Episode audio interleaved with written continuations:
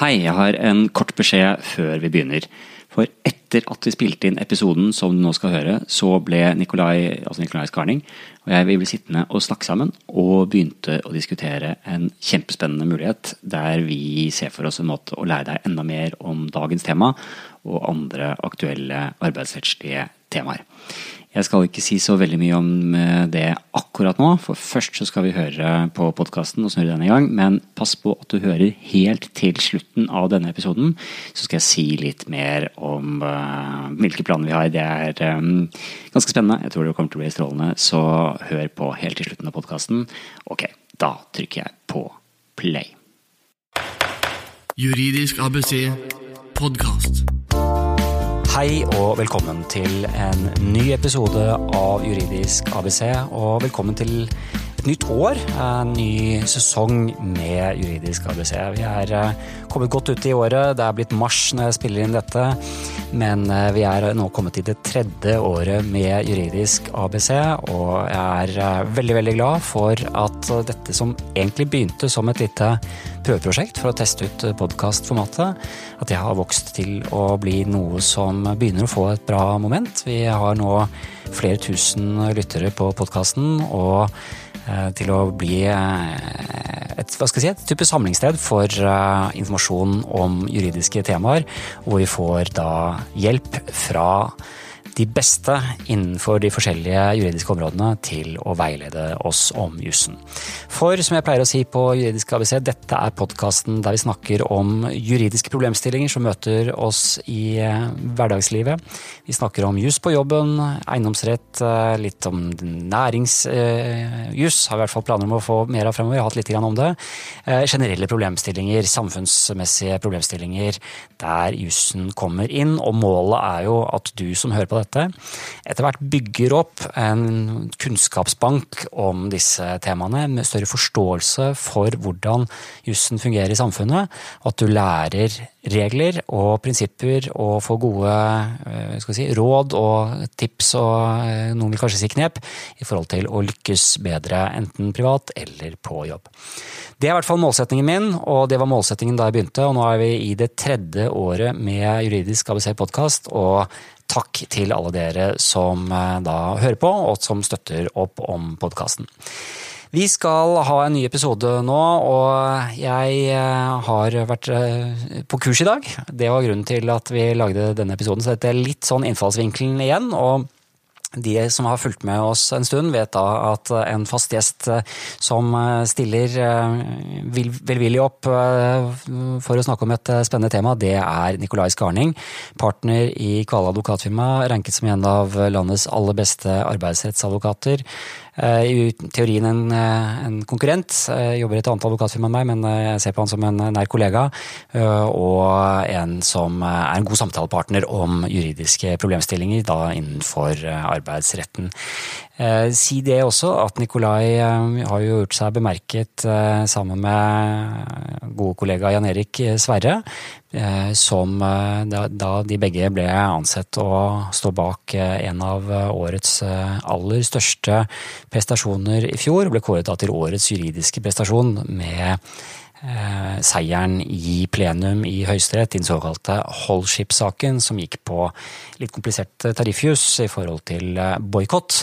Det er ikke tema i dag. I dag skal vi snakke om et mye mer type praktisk eh, problemstilling som veldig mange dessverre møter på jobben, nemlig eh, spørsmål om trakassering eller mobbing i arbeidslivet. Så Vi skal snakke om problemstillinger knyttet til det. Hva er det som er mobbing, eh, og hva skal arbeidsgiver gjøre, hva må man gjøre? Og ikke minst, hva kan skje med en arbeidstaker som forsurer arbeidsmiljøet? Når kan man eventuelt gå til oppsigelse? Når risikerer man oppsigelse? Det er eh, dagens eh, tema. Jeg skal eh, også, før vi kaster oss eh, over temaet, kort nevne at eh, vi hadde en konkurranse her på podkasten før jul, altså i de siste episodene i 2016. Der var det en litt sånn forhandlingsmaraton, godt inspirert av at jeg har hatt fokus på, spesielt fokus på forhandlinger de siste par årene, men spesielt i 2016. hvor Jeg hadde gleden av å være på Harvard og få spesialisering i, i forhandlinger. En side, sidenotat der er at jeg skal tilbake til, til Harvard til sommeren på ekspertnivå på forhandlinger. Som neste, neste nivå på undervisningen. Gleder meg veldig til det. Og da skjønner jeg jo også ut fra alle de tilbakemeldingene jeg har fått på forhandlingsepisodene, at jeg tror vi må følge opp det litt. Kanskje det blir noen artikler, kanskje det blir noen podkastepisoder. Det kommer i hvert fall til å bli mer innhold om forhandlinger.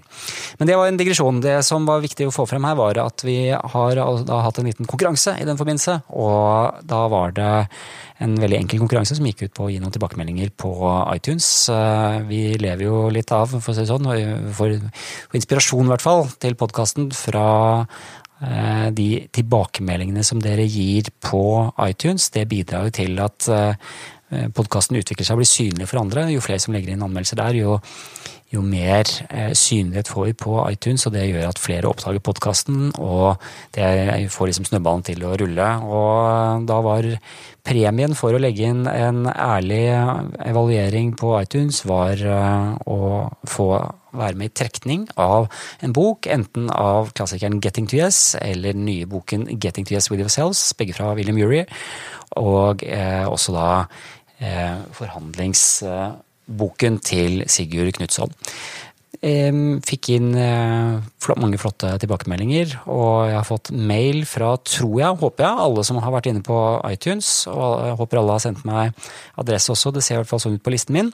Og jeg kan bare si det med en gang, at alle kommer til å få en bok. Jeg må fordele bøkene litt utover, men alle som har vært inne på iTunes, og også da sendt meg en mail og sagt at de har lagt inn en en anmeldelse. De vil få tilsendt en bok. Så det var kort en oppdatering på det. Ingen ny konkurranse i dag. I dag skal vi bare kaste oss over dagens tema. Og da eh, går vi over til å ønske velkommen til, eh, til Nikolai Skarning, som har kommet inn her i studio nå. Så velkommen hit til Juridisk ABC podkast. Eh, velkommen tilbake til podkasten, Nikolai. Hei Eivind, takk for å få lov å komme hit. Eh, takk for at du er med. og eh, Det var jo da sånn at eh, jeg har hatt gleden av å være på kurs med deg i dag. Det er jo flere andre kollegaer fra, fra Kvale, bl.a. vår felles venn Jan Erik Sverre. Der dere snakket om mobbing og trakassering på arbeidsplassen, som dessverre er et, si, et evig aktuelt tema, stemmer det? Ja, dessverre. Det er veldig aktuelt, og ikke minst i si, den store skogen under, nemlig negativt arbeidsmiljø. Og at noen personer står for dette negative arbeidsmiljøet, og så må arbeidsgiver gjøre noe med det. Og det, reises, altså det er jo mange juridiske problemstillinger som reises uh, når man snakker om dette, dette temaet. Uh, og dere har bra prøvd å, uh, å, å rådgi klientene deres litt, veilede litt, trekke opp noen retningslinjer på hva man skal gjøre, og ikke minst se på dette i et, et arbeidsrettslig perspektiv med tanke på eventuelle oppsigelser. Helt riktig. Eh, vi har tatt eh, arbeidsgivers utgangspunkt her, nemlig at arbeidsgiver er eh, forpliktet til å sørge for at det skal være et bra arbeidsmiljø som ikke er helseskadelig, og som også psykososialt, som det heter, er et, trivelig sted å være. Og når arbeidsgiver har det ansvaret, så betyr det også at arbeidsgiver har plikt til å foreta seg noe dersom man får meldinger, varslinger om dårlig og negativt arbeidsmiljø, og i sin ytterste konsekvens så medfører det oppsigelse av ansatte som skaper dette dårlige arbeidsmiljøet. Og det ser vi altså en rekke saker på det. Vi bidrar på det, og vi ser at det er ganske mange dommer de siste årene fra domstolene som aksepterer at arbeidsgiver sier opp ansatte som skaper et dårlig arbeidsmiljø. Ja, for Der er du inne på det sentrale. Vi vet jo at arbeidsmiljøloven den, den handler jo nettopp om det å sikre de ansatte et fullt ut forsvarlig arbeidsmiljø, som du sier. Eh, det er eh, egen bestemmelse i, i arbeidsmiljøloven om det. Og, og det betyr jo at Ofte så snakker vi om oppsigelser ut fra en si, stillingsvernstankegang, Altså den ansatte skal vernes. Men her blir perspektivet litt annet, fordi her begynner man med å se på arbeidsgiver sine plikter til å sørge for et godt arbeidsmiljø, og at det da kan ha selvfølgelig en side mot ansatte som mobber. For ansatte som mobber har ikke det samme vernet som, eh, som eh, hva skal jeg si, som, som en, eh, en, annen type oppsigelsessituasjon. Helt riktig, og du kan si hvis en eh, arbeidstaker mobber, mobber eller trakasserer, så kan dette være avskjedsgrunn, altså at man må gå på dagen. Eh, det finnes noen av de sakene også, men det er altså den store skogen under. Det er folk som skaper dårlig arbeidsmiljø rundt seg. Der er det ikke slik at det er den klassiske si, motsetningen mellom arbeidsgiver og arbeidstaker. Der er det slik, heller slik at det vil være fellesskapet, arbeidsplassens interesse i å ha et godt arbeidsmiljø, satt opp mot den enkelte arbeidstaker som skaper et dårlig miljø. Altså blir ansatt mot ansatt på mange måter. Og Det gjør at i en del av disse sakene så er domstolene med på at her måtte man dessverre avslutte arbeidsforholdet av hensyn til de andre ansatte. Nettopp. Og det er jo noe vi skal snakke mye mer om utover i denne episoden. Jeg vet at dere har gjort en stor jobb nå i forhold til å kartlegge nyere dommer. Og jeg er veldig glad i å snakke om dommer, for det I den grad noen mener at, feilaktig selvfølgelig, at, at jussen skal være litt tørr og kjedelig, så tenker jeg at i hvert fall når man begynner å snakke om dommer og se på avgjørelser, da blir det langt ifra tørt og kjedelig. Og selv om en del av disse sakene er sånn, jo har litt sånn tragiske, tragiske sider også, så er det klart at det er, eh, det er, spennende historier eh, i mange av de dommene, og de er veldig illustrerende på hvor grensene går, så vi skal snakke litt om det. Men jeg tenkte å begynne med å gå litt tilbake i tid. Eh, en av de, si, en av de første mobbesakene jeg ble kjent med, og, og som vel fortsatt står som en, en sentral avgjørelse på dette området. og Den dreier seg egentlig ikke om stillingsvern, men den dreier seg om mobbing og hva mobbing og trakassering egentlig er. Er denne Falken-saken som var oppe til behandling i Høyesterett for 20 år siden. 20 år gammel eh, nå. Den begynte vel som en tingrettssak i, i 94, så vi er, vi er, et stykke tilbake i tid. Eh, men den dreide seg jo om en, en ansatt i Falken som ble en stasjonssjef ved Falken, som ble utsatt for en del si, ganske, ganske stygge stygge hendelser. Ja. Uh, og den, den, kjenner jo du også godt til, eh, ja, til Nikolai. Og, og, kan du litt med utgangspunktet i den si litt om uh, hva vi egentlig mener med mobbing og trakassering? Hvor grensene går? Uh, når er det man snakker om de uakseptable overtrampene, og hva er det man har sett av utvikling på dette området gjennom årene? Ja, det kan jeg gjøre. Altså, Vi er jo inne i arbeidsmiljølovens kapittel fire, og særlig da 4.3, om at man ikke skal utsettes for eh, mobbing eller trakassering. Det er trakassering som er ordet da i loven. Men uh, mobbing det henspiller jo da på en gruppe mennesker, ikke sant? en gruppe mot en enkeltperson. Mens trakassering det går mer på dette med å plage en person. Trakassé, altså fra fransk. Uh, så er det riktig som du sier, vi går tilbake til 90-tallet. Vi hadde for så vidt Moelven-bruk også litt før Falken-saken fra 97.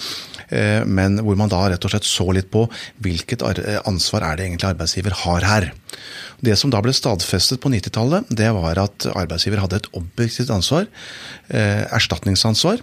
slik at hvis det var en ansatt som ble mobbet og trakassert, og selv om da arbeidsgiver ikke visste noe som helst om det, så ble arbeidsgiver tvunget til å betale erstatning etterpå.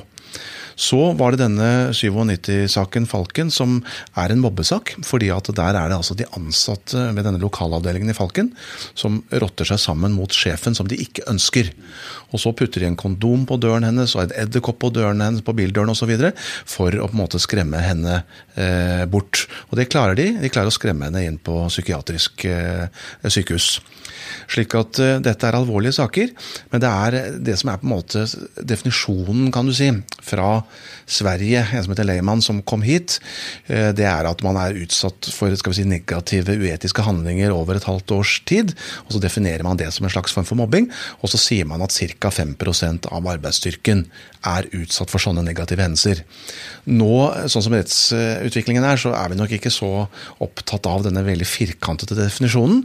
Og vi ser vel også at det også konstatere at det har skjedd mobbing og trakassering, det er domstolene tilbakeholdne med. Vi ser at veldig mange saker har vært tapt for arbeidstakerne i Høyesterett på dette området. Eh, slik at Dermed så er vi litt mer opptatt av å se på mer det negative arbeidsmiljøet. Men den klassiske mobbedefinisjonen den ligger der fortsatt. Og da er vi altså der hen eh, Eivind, at er det mobbing og trakassering, vel så vil det også foreligge eh, avskjed eller oppsigelsesgrunn mot den arbeidstakeren som driver med dette her. Ikke sant. Og da har vi fra gammelt av begynner dette med erstatningssaker. Den ansatte opplever da disse, disse vanskelige situasjonene, og, og, at man blir rett og slett syk uh, av, av, dårlig arbeidsmiljø og kollegaene. Og så er det arbeidsgiver som må betale erstatning. Og så modnes feltet litt, og så begynner arbeidsgiver å si at vi har, vi har jo disse pliktene etter arbeidsmiljølov. Vi skal jo sørge for et fullt ut forsvarlig arbeidsmiljø. Og så vet vi fra episode 16 av Juridisk ABC podkast at vi hadde Jan Fognerøy snakket om arbeidsgivers styringsrett. Og her kan man vel nesten snakke om en styringsplikt. Ja, det synes jeg er et veldig til å godt, gripe inn poeng og, sant? Og, og gjøre noe når du som, som for, da leder, divisjonsleder eller kanskje i styreleder ser at noen under deg i systemet eh, opptrer på denne måten, da, da må du gjøre noe. Og da, Og da er det en plikt også, det er- riktig, eh, akkurat som du sier. Og det er også en plikt for arbeidstakere her å varsle og verneombud og varsle arbeidsgiver. Nettopp. Hvis man ser at noen blir mobbet eller trakassert. Det er 4-3 i loven. Og det er en bestemmelse som veldig mange øh, kanskje ikke er helt bevisst, men altså alle som hører på denne podkasten, vil jo enten være leder eller i linje da, øh, som arbeidstaker. Så alle har egentlig plikt til å si fra. Det følger av loven. Det er helt riktig, og så har man da en varslingsrett også etter disse varslingsbestemmelsene i kapittel 2. Slik at eh, jeg tror nok det er underkommunisert at også ansatte har plikt her til å medvirke til et godt arbeidsmiljø. Det er helt klart arbeidsgiver som har plikten, som du sier. Eh, Men eh, de ansatte har også en plikt til å medvirke til et godt arbeidsmiljø, og ikke minst den som blir anklaget for mobbing og trakassering eller negativ atferd. Vedkommende vil ha en plikt til å delta i møter og sørge, og prøve å bistå til at dette, denne atferden slutter. Så alle må bidra her for å få slutt på mobbingen, for å si det sånn. Og, og så kommer jo da selvfølgelig eh, det, dette arbeidsrettslige perspektivet inn, der man ikke får løst det, hvor man prøver å ha en dialog, hvor man prøver å få til en mekling kanskje, få enighet mellom partene, få, få noen til å ta hverandre i hånden og, og, og sette en strek over det. Men hvor det ikke skjer, eh, og det eh, blir på tide å ringe advokaten eventuelt og få bistand i forbindelse med en oppsigelsesprosess. Og da er vi litt tilbake til et tema vi har snakket om før, oppsigelser på 1, 2, 3. eh, Hvor vi eh, på ingen måte snakket om at det er noe man skal ta lett på og foreta en oppsigelse.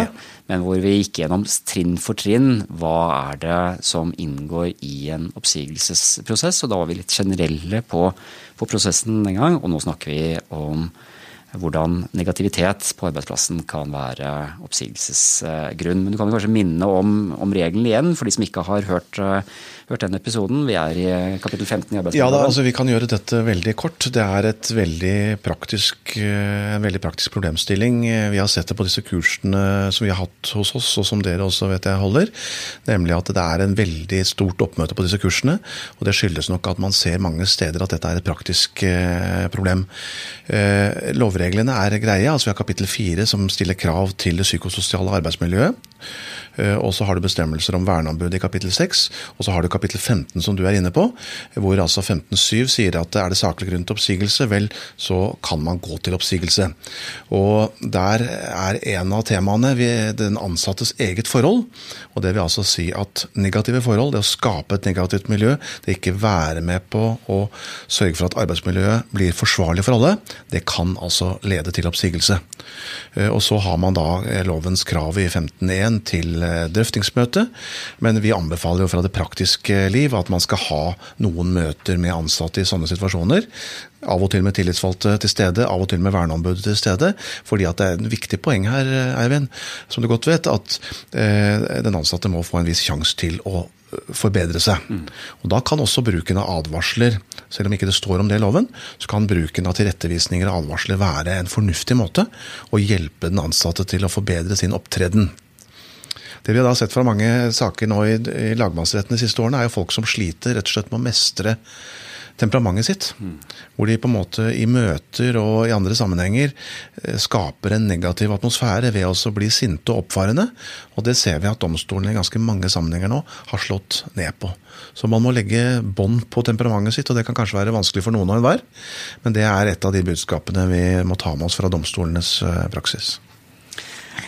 Men det viktige her er jo også da dette som du, som du sier, og som alle arbeidsgivere bør, bør merke seg veldig, at eh, når, når, man har negativitet på arbeidsplassen, ja man har en plikt til å gripe inn, men før man kan gå til oppsigelse, så er det en sånn type mellomfase hvor eh, den ansatte bør få en anledning til å korrigere kursen.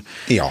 Og da er vi på som du sier, dette med, med advarsler eller tilrettevisning. Jeg vet at det er veldig mange som er usikre på reglene rundt det. Uh, vår kollega, din, din medkollega i Kvalian, Erik, sa i dag at du kan lete lenge i arbeidsmiljøloven og finner ikke et ord om advarsel, og det er selvfølgelig helt riktig. Uh, og samtidig så er jo, tenker jeg, advarsel noe som er av ganske stor juridisk betydning som en del av saksbehandlingen for å ha en saklig grunn til å gå til oppsigelse. Så selv om det ikke det står noe i arbeidsmiljøloven om advarsler, selv om det kanskje ikke står noe i noe bedriftshåndbok eh, eller annet, eh, så er det klart at eh, eller personalhåndbok, så er det, så er det et, i hvert fall det inntrykket jeg har etter gjennomgang av rettspraksis, så er det relativt få avgjørelser hvor en oppsigelse står seg som saklig og det ikke er gitt en advarsel på forhånd. Da skal det være ganske alvorlige tilfeller i så fall. Det har du rett i, og Jan Erik Sverre gikk jo veldig grundig gjennom dette med advarsler og tilrettevisninger i dag, og pekte på når man bruker det ene og når man bruker det andre. og Det er helt riktig som du er inne på, at uh, i en del av disse sakene så, så er det en advarsler, en eller flere advarsler muntlig og kanskje skriftlig, som har vært brukt, og hvor den ansatte ikke, fortsatt ikke har kunnet forbedre sin opptreden, og hvor det da etterpå leder til oppsigelse. Vi hadde noen av disse sykehussakene. Eh, vi ser det også fra skolesakene, hvor, hvor altså, eh, Vi har jo flere saker på lærere sånn som har skapt et dårlig arbeidsmiljø rundt seg. og Det samme i sykehusene med sykepleiere og leger som har skapt et dårlig miljø. Og hvor man får oppsigelser etter at advarsler har vært prøvd benyttet. Så advarsler bør man definitivt vurdere. Og det er jo klart at det gjelder jo egentlig som en sånn gyllen regel alltid å velge det minst inngripende inngripende tiltaket på ethvert nivå, tenker jeg. Eh, du har jo en muntlig tilrettevisning i den ene enden, og så har du en avskjed i den andre enden. Eh, hvorav avskjeda da er at man må, pakke sine saker og, og, gå på dagen. Eh, og da skal det selvfølgelig mye mer til for å, for å velge de mer inngripende alternativene. Der syns jeg du har et veldig godt poeng, fordi at du er inne på kan du si, en viss form for lojalitet i arbeidsforholdet mellom arbeidsgiver og arbeidstaker. Vi er litt inne på arbeidsgiverens omsorg for sine ansatte. Eh, hvor man syns det er ubehagelig å gi advarsler. Mm. Men så er jo, akkurat som du sier, Eivind, eh, vi er inne på dette med å bruke mindre inngripende midler i starten. Mm. Det er ikke noe mål å få sagt opp folk eller avskjediget folk. Tvert imot, det som er målet, er å skape et positivt arbeidsmiljø. Og da kan det tenkes at det du må gjøre for å få til det, er å si litt kraftig ifra gjennom en tilrettevisning eller en advarsel. Og at det er kanskje det som skal til. Og det er helt riktig som du da er inne på, at eh, fra rettspraksis så ser vi at der hvor eh, bedriften har brukt advarsler, der aksepteres lettere en oppsigelse etterpå. Så første steg er eh, egentlig kommunikasjon og eventuelt da en advarsel. Sørge for å, å, gi beskjed når du har en som utviser negativitet eller som er involvert i, i mobbing, eller flere som er det.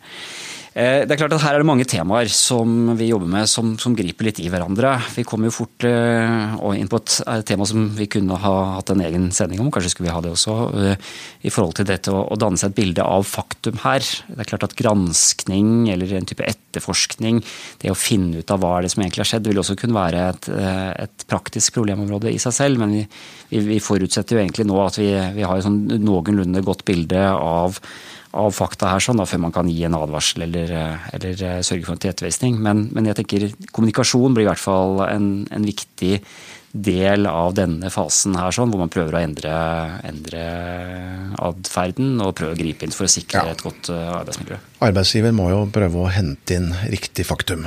Og da blir det å snakke litt med de berørte, de som er berørt kan vi si, av et negativt arbeidsmiljø. Og da kan det av og til være aktuelt å ta disse inn og intervjue de, og så, og så skrive ned hva som sies. Slik at arbeidsgiver kan etterpå ta de nødvendige skritt basert på et riktig faktum. Så bruker man av og til faktaundersøkelser, man bruker arbeidsmiljøundersøkelser, men noen av de kan være litt for generelle. Noen ganger så vet man eh, litt hvor egentlig skoen trykker. Man vet litt hvilke miljøer hvor problemet oppstår. Og da mener nok jeg at man i en del tilfeller kan ha en noe mer målrettet bevisinnhenting. Men for all del, eh, dette skal være ting som den som blir beskyldt for negativt arbeidsmiljø, skal kunne etter hvert få innsyn i og anledning til å kommentere. Eh, for det er også viktig at man tar vare på rettssikkerheten også til de som er utsatt for beskyldninger om å skape et dårlig arbeidsmiljø. Det er ikke noen hyggelig beskyldning å få mot seg. Det er ikke det. Så det at man får en, en dialog på det, en kontradiksjon, og får anledning til å Kontradiksjon er jo et juridisk begrep, men det med, med å ha en tilsvarsrett, da, få mulighet ja. til å få inn, innsyn i anklagen mot seg og komme med sine egne oppfatninger om det. det er, Hvis ikke så får vi en Kafka-prosess, og det skal vi ikke ha i arbeidslivet. Juridisk ABC podkast. Da Nikolai, har vi snakket om, eh, litt om hva er mobbing, litt om utviklingen på området, eh, de arbeidsrettslige og erstatningsrettslige elementene.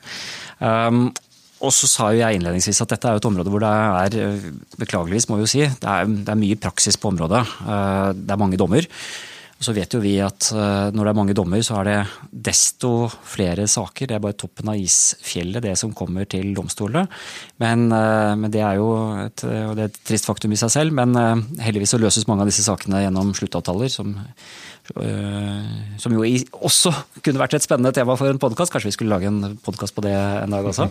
ja. Men, eh, men, eh, vi har jo da mye rettspraksis, og du og teamet ditt har hatt en liten gjennomgang nå av nyere rettspraksis. og det er jo da spennende å kaste seg uti noen eksempler fra domstolene. Og det er jo det er mange eksempler å ta av. Og du sa jo det innledningsvis, Nikolai, at eh, det er eksempler fra helsevesen og fra skolevesen og fra transportsektoren har vi eksempler. Jeg tenkte kanskje å begynne med en sak som eh, kan kalles eh, for den vanskelige adjunkten.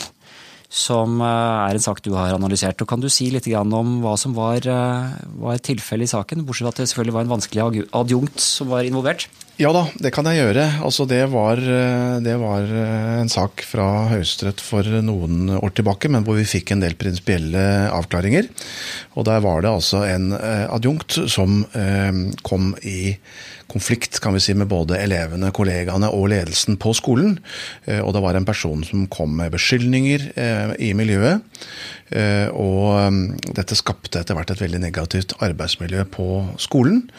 Og det medførte da at man avsluttet arbeidsforholdet, og den avslutningen eh, og oppsigelsen ble opprettholdt eh, av Høyesterett. Og Høyesterett da bare viste til at det å skape da sånn sett et dårlig arbeidsmiljø, det kan være en oppsigelsesgrunn. Så det er det da Høyesterett konkluderer med, og sier at her får man legge vekt på både forholdet til elever eh, og ledelse og kolleger. Og her var også da et poeng at hadde, man hadde prøvd å irettesette vedkommende, men det førte heller ikke frem.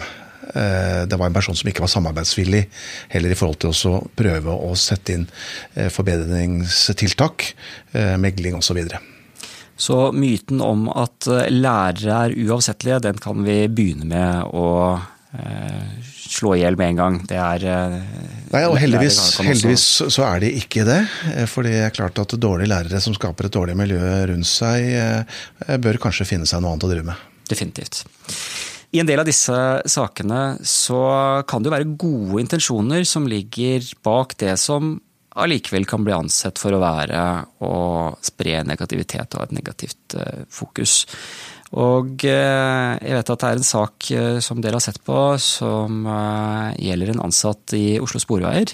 Som egentlig hadde sitt eget, nesten sitt eget pressekontor med en agenda som gikk på å bidra til sikkerhet og fokus på sikkerhet i Sporveien. Men så så sporet han vel litt av, kan man si. Eh, og det, ble litt for mye etter hvert. Kan du fortelle oss litt om eh, den, den saken? Det er en ganske ny sak, eller helt fersk sak faktisk. Ja da, den er jo. Ja da, den er jo fra, fra 2016, og, og, eller selve sakens oppbygging. Og her, her, hadde vi da en togfører som hadde vært, eller T-banefører som hadde vært ansatt i veldig mange år. Og vært verneombud og tatt opp en del sikkerhetsmessige ting. Men det var altså slik at dette var sikkerhetsmessige spørsmål som vi kan si ledelsen var allerede kjent med.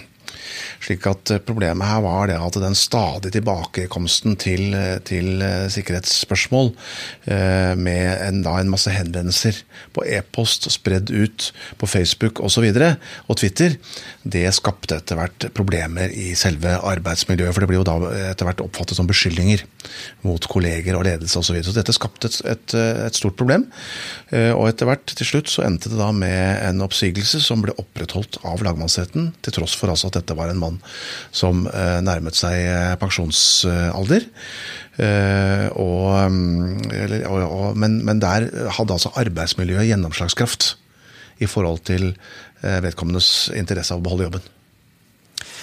Og det er vel kanskje også å si fra den at det var en del fakta der som var, var litt tragisk og spesielt. Det var en, en togsjåfør som bl.a. hadde oppdaget Facebook og Twitter og sosiale medier. Jeg vet at mange arbeidsgivere er jo opptatt av det også. Eh, og eh, etter det jeg registrerte i saken, så hadde han kommet med en del ytringer da om, om sikkerheten på bl.a. Twitter. Og eh, blant annet var jo her på Steinerud i Oslo så var det en, en tragisk dødsulykke. En, en, kvinne som ble påkjørt av, av trikken for en tid tilbake, hvor han da løpende kommenterte den og kritiserte sikkerheten. Det er sitt eget pressekontor, som du sier, ikke sant? Ja, og det er klart at det er jo Da, da begynner jo arbeidsgivers interesser å bli, bli, utfordret, og det er jo ting som enkeltpersoner i, i en virksomhet ikke skal drive og, og kommentere. Det er helt riktig, og han oppfattet seg jo selv å være en varsler. Men uh, her blir det en avveining av uh, også virksomhetens interesser av å ha ro og orden, og at uh, man først og fremst skal melde disse forholdene til ledelsen. Det er det som er den forsvarlige varslingen, og skal ledelsen rydde opp i de forhold som eventuelt må forbedres. Slik at her drev han på en måte litt for mye på, på siden i forhold til arbeidsgivers behov, og det slår lagmannsretten da ned på. Og Det er jo så, tenker jeg, et eksempel på at det behøver jo ikke være at man ikke gjør den kjerneoppgaven man er satt til. Altså, det, det, var jo en oppsigelse som skyldtes Det skyldtes ikke at han ikke kjørte trikken og, og fulgte rutetidene. Det var ikke fordi han hadde noen personlig fordel av dette, tvert imot. Eh, men dette var bare altså at han startet sitt eget litt sånn sololøp i forhold til det han trodde var en aktverdig grunn, å varsle og informere om eh, løpende sikkerhetsmessige utfordringer. Ja. Og så blir det da noe som vi rettslig sett ser på som en form for illojal opptreden og eh, det å spre negativitet og skade arbeidsgivers legitime interesser eh, fordi man ikke følger spillereglene. Og så ender man da opp med at etter 30 års tjeneste så kan man da få oppsigelse. Det er jo en tragisk sak, og det minner oss vel også om at både tillitsvalgte og verneombud vil jo ha en viktig rolle her i å prøve også å bistå med å, at en slik sak ikke eskalerer. Eh, her kjenner jeg ikke til hva som er forarbeidet, bare så det er sagt, for jeg har ikke hatt med saken å gjøre. Eh, men det vil alltid være en oppfordring til tillitsvalgte og verneombud i slike saker å prøve å bistå til å eh, skal vi si, rydde opp i sånne saker før man kommer opp så høyt i domstolene som dette med en rettssak. Fordi at det er klart det er en tragisk sak til syvende og sist. En fersk sak der altså. Det var, jeg blingset litt, jeg sa det var et par uker gammel, det var fra nei, et, års, et års tid, fra februar 2016, ser jeg. Som, ja, ja, ja, så, ja. Men det er jo veldig ferskt, da. Ja ja, i, forhold til 97 så i hvert fall. Ja, ja. en annen sak jeg, jeg syns var litt interessant her, var eh, en som du kalte den sinte barneskolelæreren. Ja. Eh, kan du fortelle oss litt om, eh, om hva som var historien der? Ja, altså man stusser jo selvfølgelig av og til litt over disse sakene. Dette er, også, dette er også en sak fra 2016. Eh, men her var det altså en lærer i eh, barneskolen som eh, rett og slett hadde da en uakseptabel opptreden overfor elevene. Og samarbeidet med både elever og kolleger. altså minner egentlig litt om denne adjunktsaken som jeg nevnte, som er noen tilbake år i tid fra Høyesterett. Og her fant da tingretten ut at det ikke var grunnlag for oppsigelse, men lagmannsretten var uenig i det og mente det var grunnlag for det. Og Det er fordi at eh, du har et læringsmiljø på skolen, og du har et arbeidsmiljø for kollegene. Og Hvis det er en person som gjentagende ganger skaper problemer, og ikke er villig til å korrigere sin opptreden selv etter å ha fått eh, advarsler og tilrettevisninger, ja, da leder det dessverre eh, fort ut i en oppsigelse, fordi at arbeidsgiver er forpliktet til å opprettholde det gode miljøet. Og Her er det igjen tilbake til arbeidsgivers plikt til å sørge for et godt miljø. og Det gjør at man dessverre kommer i den situasjonen at man kanskje må bruke oppsigelsesinstituttet. Og Det som vi snakket om på, på, på kurset også sammen med deg her, var jo at det, er en stor skog som ligger under her òg. Eh, en ting er at vi stusser litt over disse spesielle sakene som kommer i domstolene. Men den store skogen under er jo folk som rett og slett blir forholdt en oppsigelse om å godta den, eller akseptere å slutte eh, bare med oppsigelsestiden, fordi de er klar over at det blir påvist at de har en negativ påvirkning på miljøet. Så i det praktiske liv så er det mange flere sånne saker enn det vi ser i domstolene. Og vi har de siste årene sett ganske mange dommer som har gått igjennom, og det tyder på at det er en ganske stor skog under. Det er det. Uh, viktig, viktig, å få frem det, altså. Så syns jeg det er uh, fristende å trekke ut litt av faktum, det underliggende faktum også, for da har du sagt litt om denne, denne barneskolelæreren. Jeg ser av dommen her sånn, der står det bl.a. at retten viser til at uh, elever og kollegaer opplever deg som sint og sur, skriver de til, til læreren. Ja. Du har et kroppsspråk, et språk og et stemmeleie som virker truende. Noen elever uttrykker at de er redde for deg som lærer, og at undervisningen blir ødelagt av det. Og så står Det videre at eh, har, det har ofte oppstått konflikter i lærerteamet eh, hvor du har arbeidet. Uenighetene har bl.a. handlet om hvilke fag du skal ha, og det har vært dårlig kommunikasjon mellom deg og de andre lærerne på teamet osv. Dette har medført uro, usikkerhet og en uholdbar arbeidssituasjon for dine kollegaer. Jeg synes, eh, For dette er egentlig konkrete, men likevel diffuse eh, symptomer, for å si det sånn. Det var veldig interessant at du leste opp det fra dommen, fordi at uh, dette vil man nok dessverre kjenne igjen flere steder. Nettopp. Jeg tror det er mange som opplever det, og jeg tror det er mange som jobber som leder eller har HR-ansvar, som sitter og får tilbakemeldinger om at vi har problemer med Per eller uh, Kari eller hvem det måtte være. Så, og problemene blir beskrevet på denne måten, som, og det er, det er liksom vanskelig å å konkretisere. Det kan være blikk, stemmeleie som står i denne dommen. Eh, og kanskje kan man da tenke at ja, det kan ikke gi grunnlag for oppsigelse. Jo, det kan det. Det kan det. Det kan det, og den beskrivelsen som du gir eh, fra denne saken, det er tilstrekkelig. Eh, selvfølgelig sammen med bevisvurderingene, da. Men altså, det er en tilstrekkelig beskrivelse av noe som kan lede til oppsigelse etter en prosess som vi har vært inne på, og da ser vi også videre i dommen her at det står at A har etter lagmannsrettens oppfatning mottatt den oppfølging og veiledning hun kunne forvente, men hun har i liten grad vært mottakelig for innspill og korreksjoner. Og da er vi akkurat på det du snakket om i sted, ikke sant? i forhold til arbeidsgivers eh, si, veilednings- og oppfølgingsplikt, og arbeidstakers plikt til å ta til seg den kritikken som kommer. Det er, en, det er en, rød tråd i, i, dette som vi snakket om, og som Jan Erik Sverre snakket om i dag også, om bruken av advarsler og tilrettevisninger. Det er en rød tråd i veldig mange, jeg holdt på å si nesten alle, sakene. At arbeidsgiver prøver å ta fatt i dette. Eh, og så har du en arbeidstaker som ikke oppfatter kanskje alvoret i saken, og som ikke forstår at nå er det på tide å, å forbedre seg. Altså det man folkelig sett ville sagt skjerpings. Men Det er ikke et juridisk begrep. Men det sier noe om at eh, også tillitsvalgte og verneombudet kan være behjelpelige med å få den ansatte til å forstå at nå er alvor. Mm. Ja, og Det er det som jeg tenker ofte med, med de arbeidsrettslige problemstillingene. Det er jo en normering av sunn fornuft og god moral og ønskelig opptreden. Det er jo det er det, det dreier seg om. Altså, man, man, ønsker å legge til rette for at folk har det bra på jobb og kan uh, ha en god samhandling og god verdiskapning hvis man er i en kommersiell virksomhet. Eller løse viktige samfunnsoppgaver hvis det er uh, f.eks. at man jobber med, på trikken. Men man ønsker jo da selvfølgelig å sanksjonere der hvor uh, man har noen som er ute etter å, å ramme, enten bevisst eller ubevisst, de, de interessene som arbeidsgiver representerer.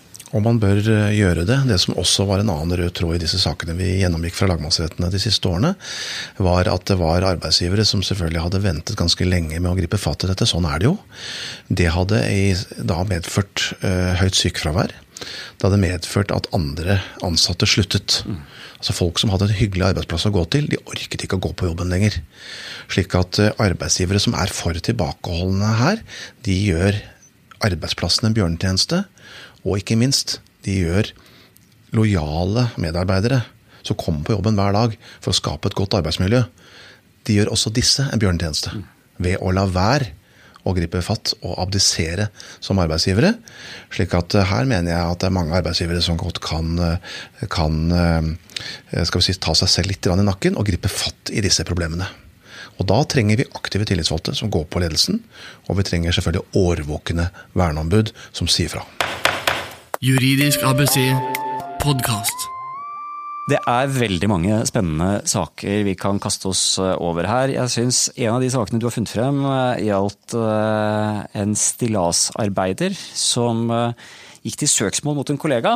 Det er jo en litt spesiell, en spesiell situasjon. Jeg tenker at Det må jo være i utgangspunktet helt kurant å være innblandet i i søksmål uten at det skal gi grunnlag for arbeidsrettslige sanksjoner. Men her eh, var utfallet litt eh, annerledes, og det var kanskje en sammenheng med at det var en litt spesiell bakgrunnshistorie. Kan du fortelle oss litt om denne stillasarbeideren? Det skal jeg gjøre. Dette var en som også var plass tillitsvalgt. Og det hadde vært en del diskusjoner også på arbeidsplassen her, bl.a. om religion. Og dette medførte da at det ble en diskusjon også på Facebook, hvor, det, hvor denne stillasarbeideren etter hvert kom med beskyldninger og, og skal vi si, påstander mot kollegaer, som skapte vanskeligheter i arbeidsmiljøet. Eh, og Så ledet det da til en, en, advarsel, og så gikk han da til såkalt mortifikasjonssøksmål. altså Han ville ha satt denne advarselen fra arbeidsgiver til side. Måten han gjorde det på, var at han gikk til angrep på arbeidsgiverens representant personlig. Altså Istedenfor å saksøke bedriften, så saksøkte han den personen. HR-ansvarlig eh, her, kan vi si. Eh, og nå er det jo slik i Norge at man har lov til å gå til søksmål, man har lov, til, lov å gå til domstolene. Det er en grunnleggende rett. Men her legger retten da til lagmannsretten til grunn at oppsigelsen var i orden. Fordi at å anlegge en sånn type privat eh, mortifikasjonssak mot en, en annen ansatt, det satte den andre ansatte under et utilbørlig press. Og det skaper jo et forferdelig arbeidsmiljø. Eh, her er det også da interessant å få med seg at denne bedriften hadde etiske retningslinjer. Slik at eh, denne opptreden også i forhold til Facebook osv. den stred mot de retningslinjene man hadde. Og det ble en del av den totalvurderingen man gjorde. Slik at Hvis bedrifter nå skal jobbe med varslingsregler, så kan det være naturlig også å se på noen få etiske retningslinjer om høvelig opptreden osv. på sosiale medier. Det kan være lurt å ta inn, ikke minst av hensyn til de ansatte selv. Slik at de ser litt hvor grensene går. Men altså en god del å lære av denne saken. Definitivt. og er, jeg tenker også at både det å, å, uttale seg om religion og politiske spørsmål, det, det, er jo en menneskerettighet. Eh, ytringsfrihet. Eh, og det å gå til søksmål, det er jo en menneskerettighet. Eh, til EMK man, snakker man om access to court. Men ting kan misbrukes, og det går grenser. Og du kan ikke anlegge søksmål som er si, rent trakasserende. Og du kan ikke Eh, og I dette tilfellet så var det vel på Facebook så var det vel tre kan huske, så var det ganske ytterliggående politiske standpunkter som ble fremmet. Og, og, det er klart at det går grenser for, eh, for opptreden. er jo det man Ja, du kan si altså, Det er jo som du sier at eh, ytringsfriheten er der for oss alle. Og vi kan ytre oss. Og her var det da ytringer særlig om religion. Og det er for så vidt greit nok, men det som var problemet her, var at her var det ytringer rettet mot bedriftens hovedvernabud. Mm. Så man trakk altså bedriften inn i sine politiske diskusjoner. Eh, og da eh, skaper det vanskeligheter, i hvert fall hvis det blir skadevirkninger for arbeidsmiljøet. Da det, kommer den inn. Og det som jeg tror vi kan si mange ganger, eh, Eivind, er at arbeidsmiljøet det er på mange måter også en menneskerettighet. Det er en grunnleggende rett i norsk arbeidsliv å ha et godt sted å jobbe. Altså et godt arbeidsmiljø der hvor man jobber. Og den vil fort trumfe en del andre forhold. Selv ytringsfriheten i visse situasjoner. Så hvis man misbruker ytringsfriheten for mye eh, Noe skjønn skal det være der, og det skal være høyt under taket. Men hvis man skaper et, et dårlig arbeidsmiljø ved å angripe kolleger eh, på nettet, så eh, kan det fort lede til oppsigelse. Mange av de sakene vi snakker om her, eller de vi snakket om så langt, for dem gjelder alle at vi har snakket om arbeidsmiljølovens bestemmelser og 15-7 om saklig grunn til oppsigelse. Og så vet vi at eh, det er ganske store grupper ansatte som eh, ikke bare er omfattet av arbeidsmiljøloven, men som også har et stillingsvern etter tjenestemannsloven. Statens arbeidsmiljølov, for å si det sånn. Litt enkelt. Um, og der er det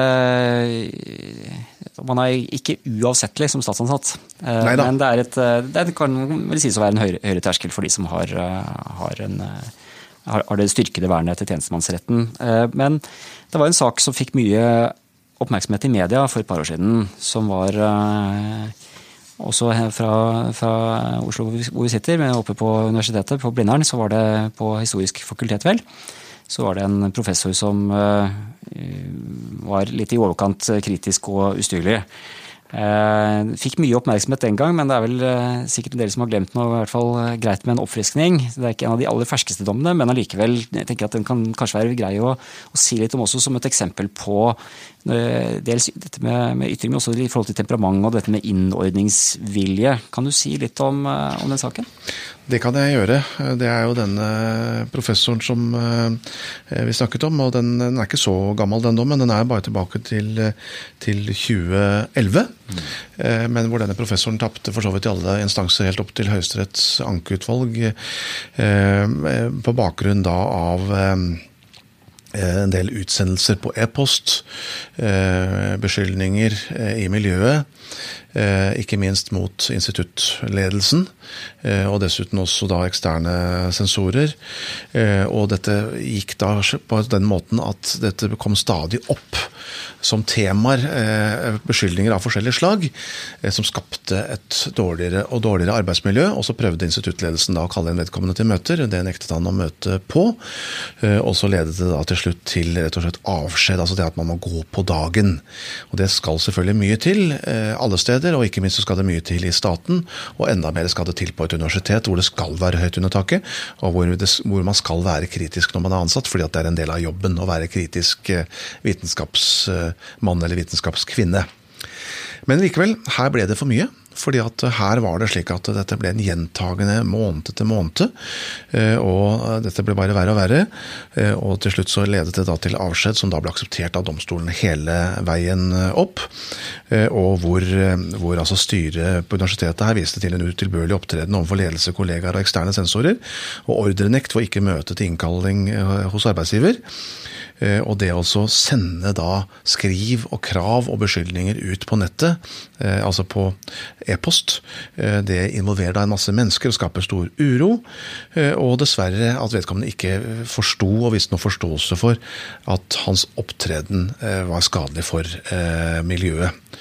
Eh, og Derfor så sier da Høyesteretts ankeutvalg, som er disse tre dommerne i Høyesterett som da vurderer disse ankesakene, at eh, også en vitenskapelig medarbeider må ta et visst hensyn til sin opptreden overfor kollegaer og andre. Eh, og at form, tid, forum og omfang har betydning også her i forhold til skadevirkningene. Så er det da et krast innhold, ikke sant, så kan skadevirkningene være store. Er det slik at det er et omfang med mange e-poster, så har det skadevirkninger. Og dermed så ledet dette til at, at også Høyesteretts ankeutvalg godtok avskjeden.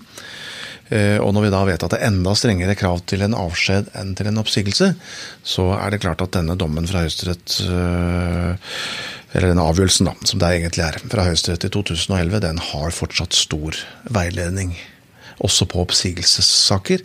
Den viser at arbeidsmiljøet skal man ikke tulle med, for å si det på den måten. Veldig illustrerende sånn sett. Og jeg tenker, Den betraktning jeg i hvert fall gjør meg, når vi ser på en del av disse sakene, er at mye av beviset er jo elektronisk, elektronisk kommunikasjon. Det er Facebook, det er Twitter, det er mye e-post. Uh, og man kan jo se for seg uh, litt sånn sammenligning til kommentarfeltene på noen av nettavisene, hvor uh, det nesten ikke er grenser for mye edder og galle folk deler. Eh, og man bør jo tenke seg om, tenker jeg, både for uh, før, man, før, man, går ut i det offentlige rom og, og, sprer den type ting. Det er et eget tema. Vi har for så vidt hatt uh, Karl Bore her med, med ærekrenkelser. Men, men jeg tenker at en arbeidstaker bør jo også gjøre seg noen refleksjoner før man trykker på sendeknappen. Og det å liksom barrikadere seg bak tastaturet og sende ut uh, krasse mailer, det må man vite at det kan få konsekvenser. Du kan miste jobben. Hvis dette går for langt, så, så kan man havne der. Og jeg vet du, du hadde også et eksempel med en eller hva skal jeg si, litt overlegen overlege, mm. som, uh, hvor det også var noe av det samme. Uh, det er vel også en 2011-avgjørelse hvor, ja, hvor noe av oppsigelsesgrunnen, også en oppsigelse som ble opprettholdt, hvis ikke jeg husker feil, hvor eh, vedkommende også sendte noen ganske krasse e-poster internt. så Det skal man være forsiktig med. Det er helt riktig, og dette var en overlege som, eh, som eh, brukte sterke ord i e-poster. Som var altså, skal vi si, en kritikkverdig måte å kommunisere på i et sånt mer akademisk miljø, kan vi si. Hvor folk var vant til å, å komme med saklige meldinger til hverandre. Og så ble det usakligheter fra denne overlegens side. Dette skapte et større og større problem i arbeidsmiljøet, og det ledet da til en oppsigelse som lagmannsretten da opprettholdt. Veldig bra. Og nå har vi dundret gjennom eh, litt overfladisk en god del avgjørelser. Litt for å si, synliggjøre materien og gi konkrete eksempler. For de som er interessert i referanser til dommene, så tenker jeg at vi legger ut på Juridisk ABC da har vi alltid en liten side til hver episode, og da kan vi legge ut eh, referansene der, sånn at de som ønsker å fordype seg litt og, og eventuelt eh, sjekke dette opp mot Lovdata, en del jurister som hører på også, eh, kan finne referansene til dommene der. Men Eh, før vi avslutter i dag, eh, så tenker jeg at det kunne kanskje vært greit å, å, ta en liten sånn kort eh, oppsummering av eh, hva vi har snakket om, og avslutte med noen gode råd til eh, arbeidsgivere. Hvilke klassiske fallgruver man skal unngå, og hvilke, hvilke praktiske ting man bør passe på hvis man sitter her som leder og har en problemstilling med negativitet på arbeidsplassen. Det er veldig fint at du legger ut uh, henviser disse dommene, som er sikkert interessante for mange på juridisk uh, ABC. Og jeg har også en del av disse henvisningene i denne boken 'Oppsigelse på 1, 2, 3', som man også går gjennom oppsigelser pga. Uh, da mangel, manglende samarbeidsevner. Uh, du kan si Oppsummeringen her er enkelt og greit at et negativ påvirkning eh, på arbeidsmiljøet kan lede til oppsigelse, og i verste fall avskjed i de mer alvorlige tilfellene. Eh, fra arbeidsgivers ståsted er det arbeidsgiver som har bevisbyrden, men den oppfylles da gjennom å få eh, skaffe seg dokumentasjon på papirformat, som da eventuelt kan brukes i en prosess. Men det viktigste her er jo at arbeidsgiver tar de nødvendige møter med den det gjelder, for å tilrettevise. Eh, kanskje først eh, litt eh, lettere tilrettevisninger, som du selv var inne på, Eivind. Og så må man kanskje gå over til de mer strengere advarslene hvis det dessverre skulle være nødvendig. Så er det også dette å kunne rådføre seg. altså Én ting er at man kan bruke juridisk ABC selvfølgelig til å innhente en del råd på hvordan man skal gjøre ting. og Det er veldig bra. Eller så kan det tenkes at man må, bør rådføre seg hos advokat. Rett og slett for å få et kritisk blikk på dette utenifra. Eh, og det er i tillegg til den anbefalingen vi veldig ofte har med å snakke med tillitsvalgte verneombudet. Tillitsvalgte har en litt annen rolle enn verneombudet. Verneombudet skal jo være de ansattes tillitsvalgte for helse, miljø og sikkerhetsspørsmål. Slik at verneombudet vil være veldig sentral her. Men tillitsvalgte har en positiv rolle i mange av disse sakene. Viktig å lytte til de i disse sammenhengene, slik at man også får en litt uhildet eh, vurdering. I hvert fall noen som er på utsiden her, som også kan se på dette her. Slik at eh, arbeidsgiver har ansvaret, eh, men de ansatte har også ansvaret for å hjelpe til å få et godt arbeidsmiljø. For da får vi det samarbeidet på plass, så unngår vi jo det som vi har snakket om i dag. Vi unngår oppsigelser, og det må tross alt være målet. Ikke sant. Og så vil jo jeg selvfølgelig tillegge at uh, vi skjønner jo alle som hører på deg her, Nikolai, og hører på de andre podkastene, at uh, vil man ha rådgivning her, sånn, så er det jo det å kontakte Nikolai Skarning i Kvale advokatfirma, det er en meget god idé. Uh, så har du også disse kursene som var grunnlag for dagens samtale. Det holdes jevnlig. Dette temaet skulle dere etter det forstå først ha ett lite kurs for 30 personer. Så ble det en ekstraforestilling, og så ble det enda en eh, ekstraforestilling. Og du kan vel fortsette med fulle, utsolgte hus eh, ut, eh, ut våren og sommeren, vil jeg tro. Det er tydelig at dette er et, et veldig populært tema, og disse kursene holdes da veldig jevnlig, i hvert fall nå i tiden fremover i, i, Oslo. Det vil jeg anbefale å følge med på kvale.no for informasjon om dette. Det er kanskje å få noe ja, oppdatering fra dere også? Ja, absolutt. Så, så, du kan si Der kan man også for så vidt bare logge seg inn hos Daland ikke sant? eller Daland advokatfirma og Juridisk ABC. Eh, fordi at vi prøver jo å få og, skal vi si, spre dette eh, budskapet ut. Eh, først og fremst med tanke på at vi forhåpentligvis at det kan hjelpe litt på arbeidsmiljøet rundt omkring, og at eh, både arbeidsgiver og arbeidstakere er litt klar over hvilke både rettigheter og plikter de har på dette området. Ja, og jeg blir liksom fristet til å si det også. for jo det er noen som lurer på hvorfor, hvorfor vi har denne podkasten. Hvorfor vi lager disse episodene. Eh, og både du og jeg har jo egentlig altfor mye å gjøre. Eh, så vi har jo ikke noe problem med å fylle boken vår, for å si det sånn. Men eh, vi har jo en kjærlighet til faget og vil jo prøve å hjelpe. Og jeg håper jo det at, og jeg tror det, at enhver som hører på på episoden i dag i hvert fall får noen tanker om hva man ikke skal gjøre. Eh, og får noen tanker om muligheter eh, og et grunnlag for å begynne på en, på en prosess. Eh, men det er også sånn, tenker jeg, at det å, å koble inn f.eks. deg tidlig i en prosess som en rådgiver, er veldig mye rimeligere enn å skulle reparere skaden i ettertid. Hvis man går hardt ut med en oppsigelse eller en avskjed mm. i en sånn type sak, så kan det bli fryktelig kostbart og veldig mye støy. Eh, og, og man kan også ofte få til mye mer smidige løsninger på et tidlig stadie, hvis man snakker med en som har erfaring og som kan lede prosessen i riktig retning. Ja, og jeg tror jeg er veldig glad for at du har laget denne podkasten, Eivind. Fordi at arbeidsrett, altså arbeid er jo det nesten det viktigste og livgivende et menneske kan gjøre. Veldig viktig for veldig mange mennesker. Og da er arbeidsrett et viktig tema for oss advokater.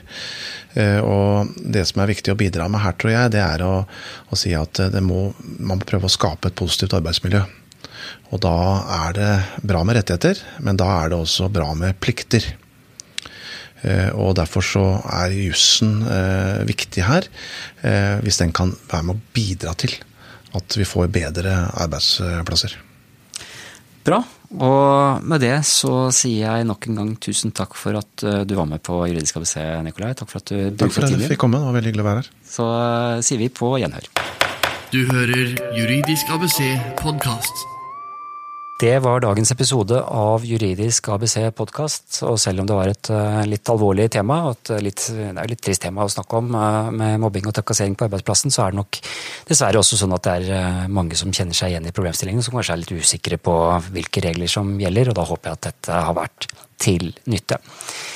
Ehm, jeg tenkte ellers å si litt om eh, hva som skjer på podkasten fremover. Vi har mange temaer eh, som jeg har lyst til å lage podkast om. Jeg har eh, gjester klare, så jeg håper å få spilt inn flere fremover. Ehm, et lite hjertesukk fra min del er at jeg hadde en søknad inne hos Fritt Ord om støtte til å få økt publiseringstakten på podkasten, og det fikk vi dessverre ikke støtte til. Det er jo for så vidt helt fritt hva de bruker pengene eller hvilke, hvilke hvilke prosjekter de velger å støtte, men jeg syns det var litt trist, for eh, med støtte hadde vi kunnet få opp eh, takten veldig. Er det sånn at du sitter med en, eh, en virksomhet som har lyst til å komme inn her sånn som en uavhengig sponsor, så hører jeg gjerne fra deg. Jeg vil gjerne få inn litt støtte som kan gjøre at vi kan få opp tempo på utgivelser. For dette er, selv om jeg jobber som advokat og selvfølgelig har inntekter fra det, så er dette noe som drives som et eh, rent eh, type dugnadsprosjekt. De som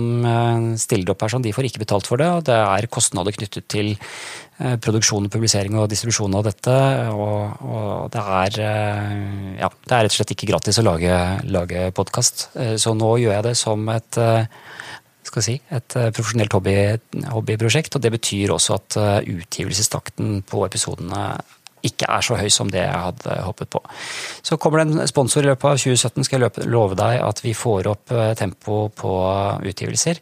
Hvis ikke så kommer jeg i hvert fall uansett til å fortsette å lage nye episoder. Så jeg får innimellom litt eh, mailer og andre spørsmål om jeg har lagt ned podkasten eller om det stopper opp, fordi det kan gå noen måneder mellom hver gang, og det er ikke tema. Jeg tenker på podkasten hver dag og jobber med temaer og er i kontakt med, med mulige, mulige, gjester og osv., eh, men det er en del jobb å få hver episode på plass. Derfor så tar det litt tid mellom hver utgivelse, men vi har jo nå rundet godt og vel 30 episoder, og det kommer til å bli veldig mange flere før jeg gir meg, i hvert fall, for det er veldig gøy å lage denne podkasten. Så er det en som har sagt på iTunes at det kan bli litt mye sjølprat innimellom, så jeg skal prøve å kutte av her nå og si at eh, jeg veldig gjerne tar imot en mail fra deg hvis du har ønsker om temaer eller innspill til eh, podkasten ellers. Eh, og spesielt da hvis du er en potensiell sponsor, så hører jeg også selvfølgelig gjerne fra deg.